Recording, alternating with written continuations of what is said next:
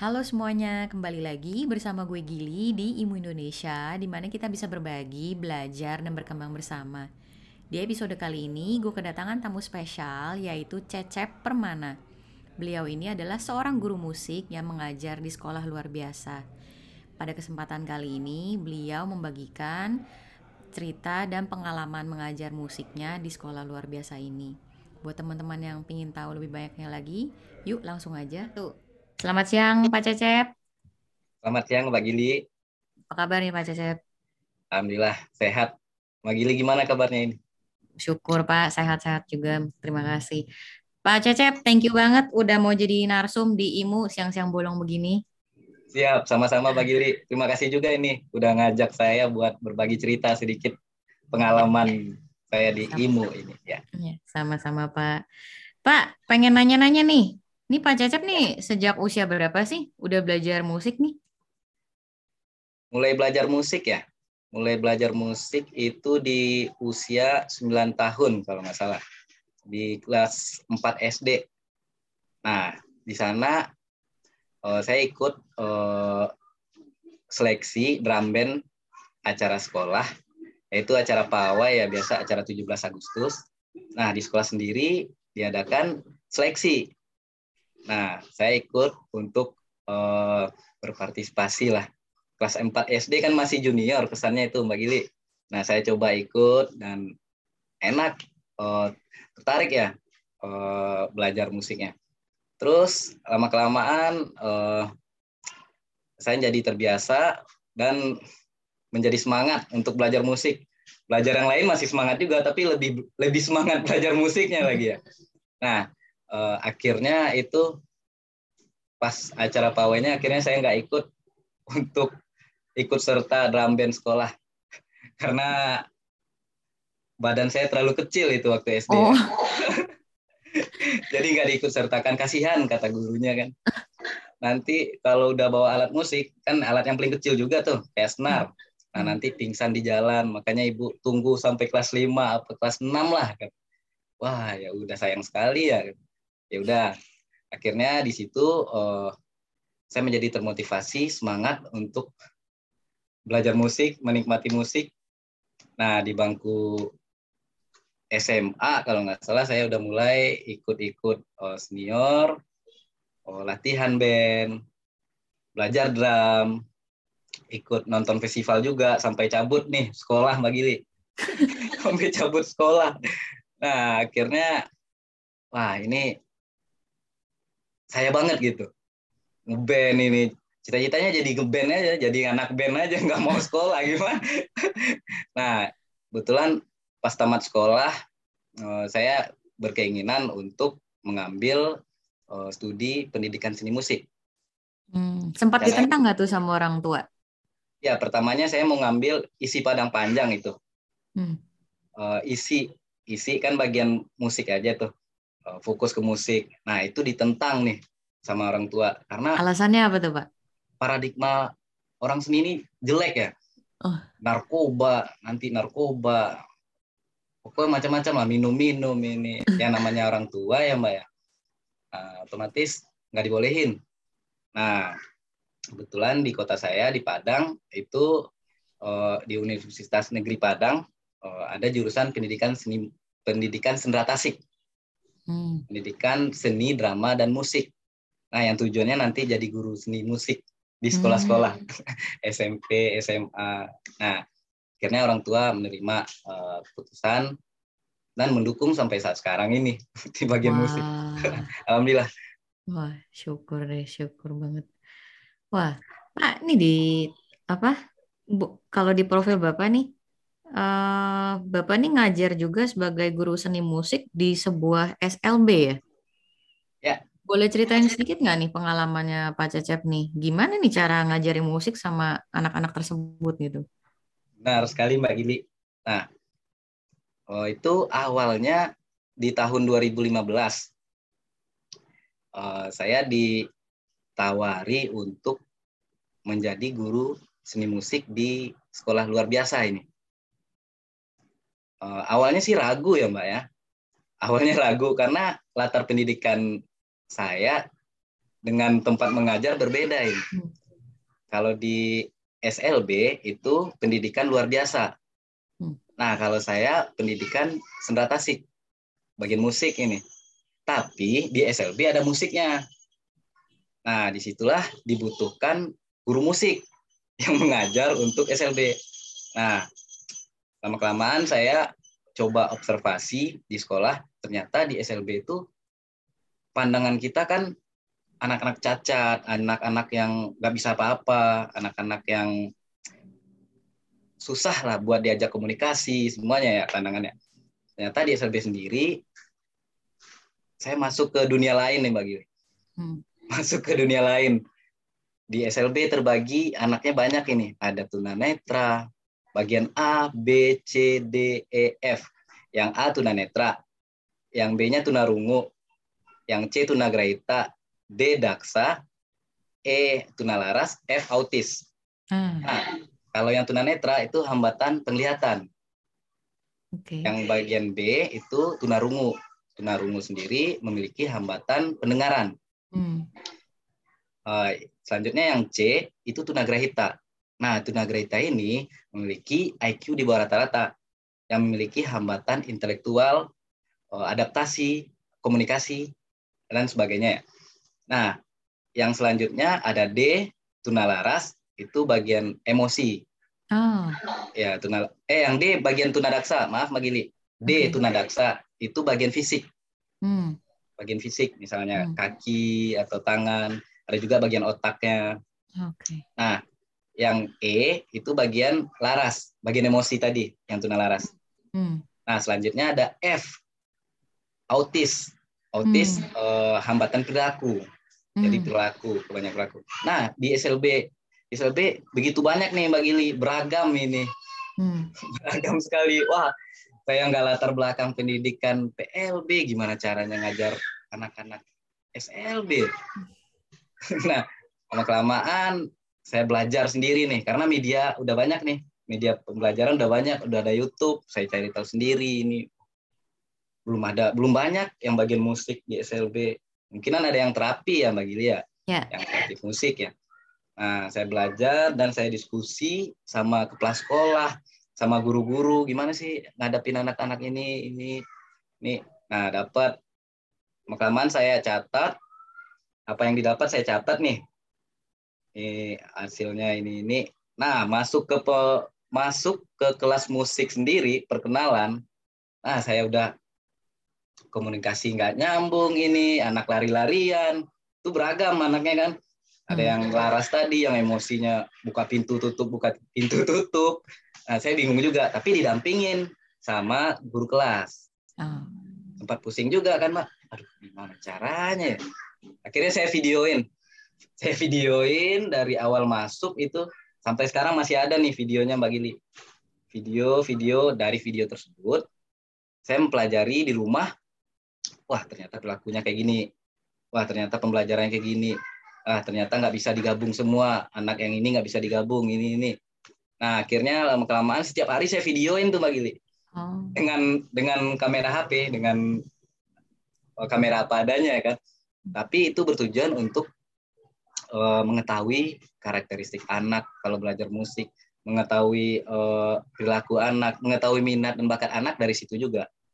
Nah, akhirnya lama kelamaan udah mulai terbiasa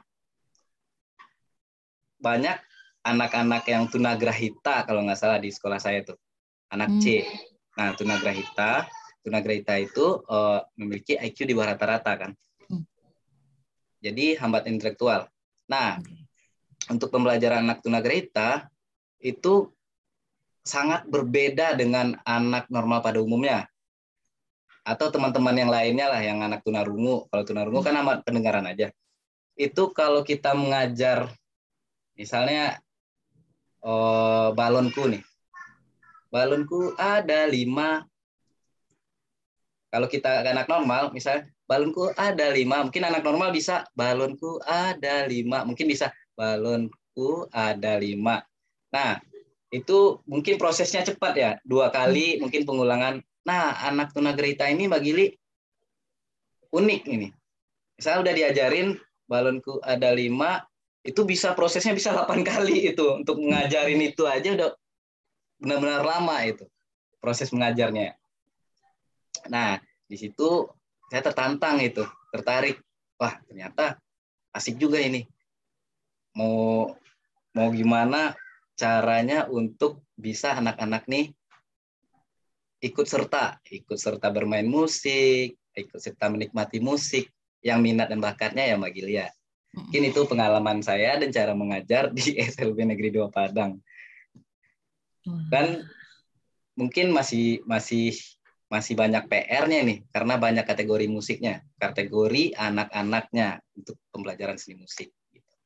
Wow, ini buat jadi seorang guru musik yang biasa aja diperluin diperlukan kesabaran. Iya iya. Yang ekstra gimana ngehadapin yang di SLB ya Pak ya. Iya benar. Pak Cecep nih hatinya mulia sekali nih. Oh iya satu lagi nih Mbak Gili. Oh, saya punya senjata nih untuk ngajar anak-anak SLB. Gimana tuh? Kenyamanan. Kalau kita udah nyaman, apa pun dilakukan gitu. Apalagi sama kita pasangan ya, pasangan kita udah nyaman sama kita, deket jadinya. Nah, anak-anak tuh kayak gitu juga Mbak Gili ternyata. Udah nyaman, wah udah nyaman, udah nyaman, udah nyaman, udah deket, wah udah hangat, mau aja nih. Pak Cecep, oh, boleh bantu pukulin senarnya boleh nggak? Oh boleh Pak, siap. Karena udah nyaman, kalau nggak nyaman dia cuek-cuek aja, lari-lari ini. Hmm. Satu itu kenyamanan Mbak Gili. Hmm, hmm, hmm, hmm. Wah, oke. Okay. Ini terus aku juga lihat nih si Pak Cecep di profilnya uh, Pak Cecep nih sempat membuat sebuah media pembelajaran untuk anak-anak tunagrahita ini ya dalam bentuk apa ini media video visual animasi. animasi. Boleh ceritain nggak Pak? Atau boleh mungkin di share juga ke uh, teman-teman imu di sini sebentar nih. Nah benar sekali nih. Nanti linknya ada nih Mbak Gili atau di Instagram hmm. atau di YouTube saya. saya. Nah saya di SLB itu tidak hanya mengajar ternyata juga meneliti seperti yang saya ah. ceritain tadi ya Mbak Gili itu saya menulis gimana karakteristiknya gimana caranya ini nah di SLB sendiri itu pembelajarannya terbagi dua ada pembelajaran akademik dan ada pembelajaran keterampilan nah keterampilan ini disebut vokasional nah akademik itu pembelajaran baca hitung bernulis nah kalau keterampilan vokasional ini terbagi juga nih. Hmm. Vokasional terbagi juga ada vokasional seni musik, ada seni tari, ada seni uh, tata boga, busana, bengkel dan sebagainya. Banyak kan? Nah, di bagian seni musik, di bagian seni musik itu uh, saya menciptakan sebuah media pembelajaran atau alat bantu mengajar sebenarnya. Hmm. Karena masalah-masalah yang saya hadapi ini harus dicari solusinya nih. Nah, ini solusinya. Media pembelajaran audiovisual animasi. Karena anak-anak kan tertarik kartun ya misalnya, animasi hmm. atau apa ya. Nah, ini dimanipulasi aja nih. Yuk kita nonton kartun yuk, nonton animasi. Padahal isinya pembelajaran kan. Oh. isinya pembelajaran. Itu materinya bermain alat musik ritmis. Ah, oke. Okay. Nah, bermain alat musik ritmis. Uh, memainkan alat musik drum band lagu Indonesia Raya. Itu yang sederhana aja tuh, Mbak Gili. Nih, mungkin apa bisa di-share sedikit Pak videonya, Pak? Biar teman-teman pada ngeliat Videonya sebentar. ya? Uh -uh.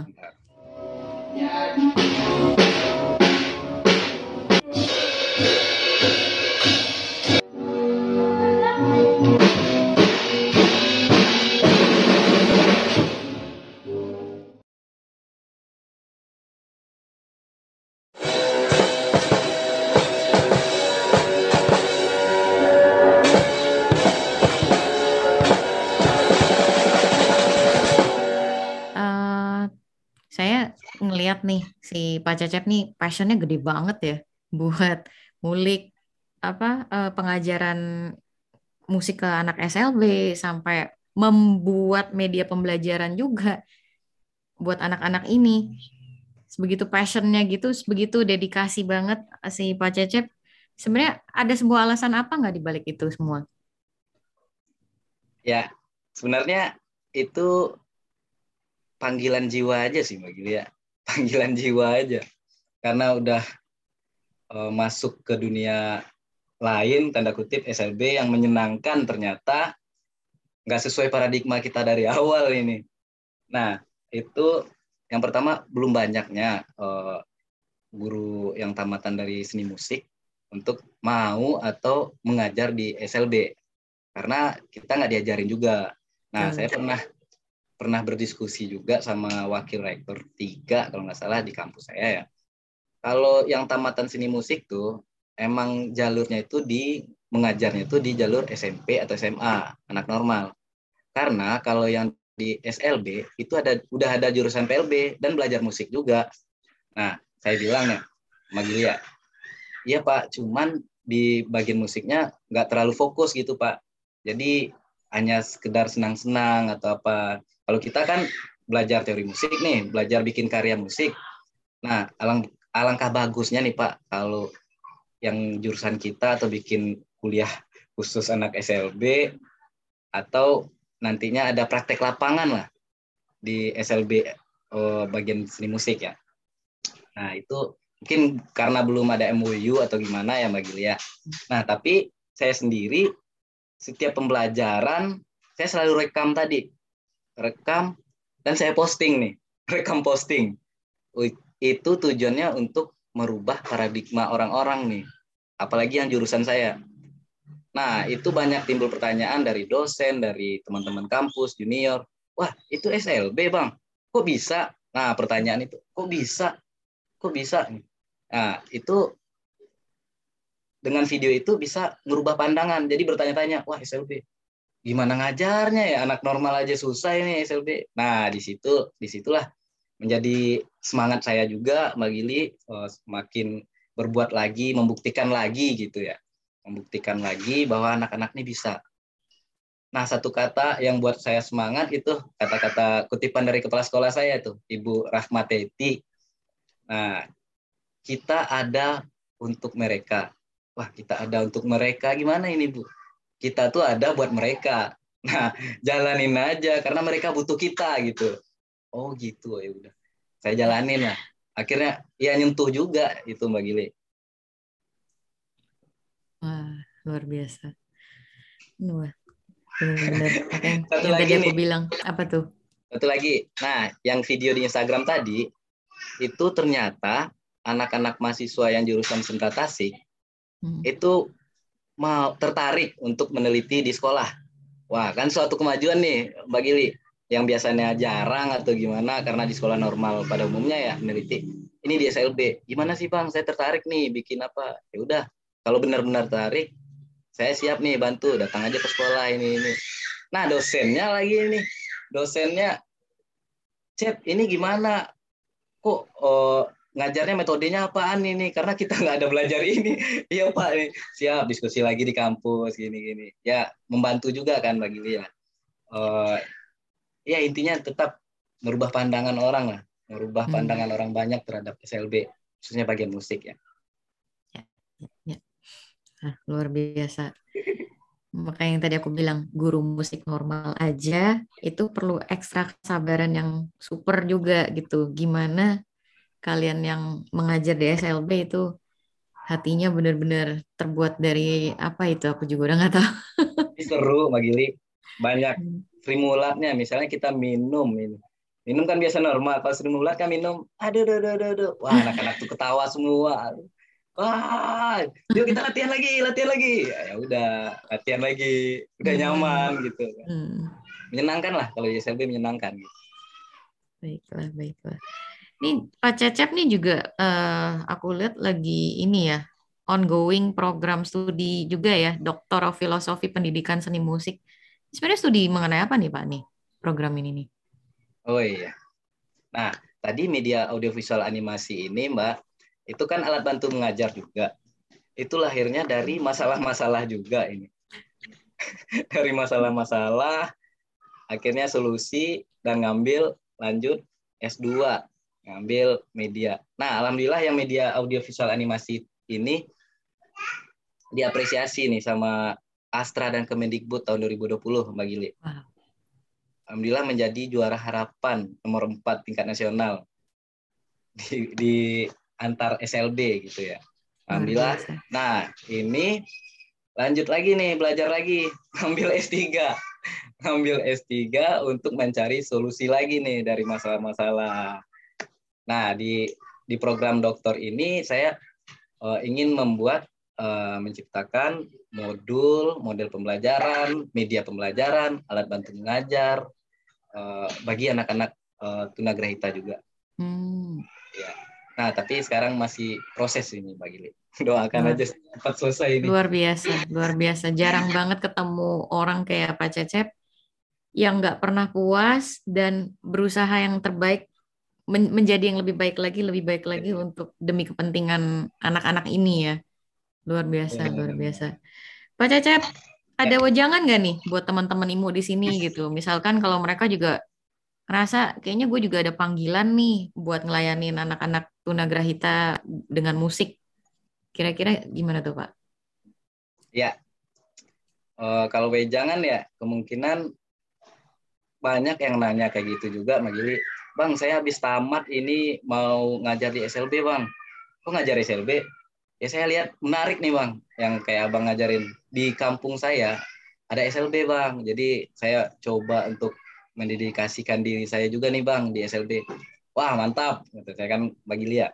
Hmm. Nah itu saya berpesan ini jangan pernah takut untuk mencoba hal baru karena semuanya kita masih bisa belajar dan sekarang media pembelajaran eh, media-media untuk belajar banyak ya Mbak Gili ya ada YouTube ada mau ketemu orang juga bisa ini penting diskusi jangan malu untuk belajar intinya gitu ya nah mungkin itu aja sih pesan saya eh, jangan pernah takut untuk mencoba kalau kita bekerja dengan hati mungkin hasilnya sangat memuaskan gitu. Itu aja mbak. Input yang baik. Pak Cecep, kita udah di penghujung acara. Ada satu pertanyaan lagi yang nggak boleh dilewatin nih. Ini apa nih impian seorang Cecep Permana ke depannya? Impian ya berat nih. Masih masih proses mengejar impian. Impiannya sebenarnya ingin mempunyai sekolah ini Mbak Gili. Wow. punya sekolah uh, khusus anak-anak berkebutuhan khusus. Hmm. Nah, di sekolah yang saya impikan ini tujuannya untuk gol anak-anak. Jadi anak-anak bisa bermanfaat untuk dirinya sendiri dan bisa untuk bermanfaat bagi orang lain. Nah, itu semoga bisa terlaksana ya Mbak Gili doakan Mbak Gili. Oh, amin, amin, amin. Pasti bisa, pasti bisa. Ya, karena di pepatah Mindang mengatakan ini Minangkabau di kampung saya itu bahasa Minang ya Mbak Gili ya. Nan buto pambuih lasuang. Apa tuh artinya? Nan buta peniup lasung. Lasung ini buat alat oh, tempat padi untuk menumbuk padi. Nah, nan buta peniup lasung ini artinya oh, kalau orang buta tuh tugasnya meniup lasung meniup langsung karena dia buta dia nggak perih nih kalau niup langsung nggak bakalan perih nih jadi ada manfaatnya nah itu yang pertama yang kedua nanpaka palatih badi ya nanpaka itu artinya nggak bisa mendengar ini yang nggak bisa mendengar itu untuk uh, menembakkan senapan gitu kan senapan bunyinya besar ini. Hmm. Jadi dia nggak bisa mendengar bunyi kan. Jadi dia bermanfaat ini. Nah yang ketiga nan lumpuh panjaga rumah. Nan lumpuh penjaga rumah artinya yang fisiknya lah, yang misalnya cacat di fisik, dia nggak bisa ke mana-mana atau apa. Dia menjaga rumah. Jadi semua manusia itu ada manfaatnya Magili. Ya. Apalagi kalau kita bisa memberikan jalan untuk dia lebih berkembang lagi gitu. Betul. Luar biasa. Wah, hari ini aku belajar banyak banget dari Pak Cecep. Pak Cecep, thank you banget sekali lagi buat sharingannya, buat waktunya.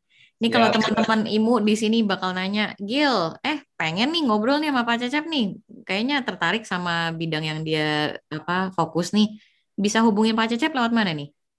Siap. Uh, bisa lewat WA juga, bisa lewat Instagram juga, Mbak Gili. Nanti Instagramnya WA-nya boleh tolong disebut? Nah, Instagramnya itu on underscore c h e m cemeng on underscore cemeng c h e m e n k. Oke, nanti YouTube. aku YouTube-nya ada juga nih Mbak Gili. Di? YouTube-nya YouTube Cece Permana.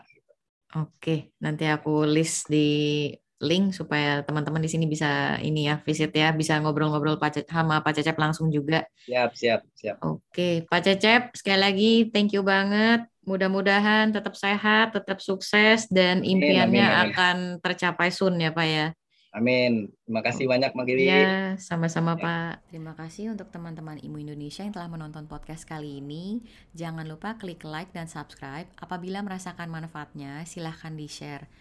Nah, untuk teman-teman yang ingin mengikuti perkembangan Imu Indonesia, silahkan follow kita di Instagram at imu underscore Indonesia. Juga bisa di Facebook page kita, Intelligence and Music. Sampai jumpa kembali di episode berikutnya.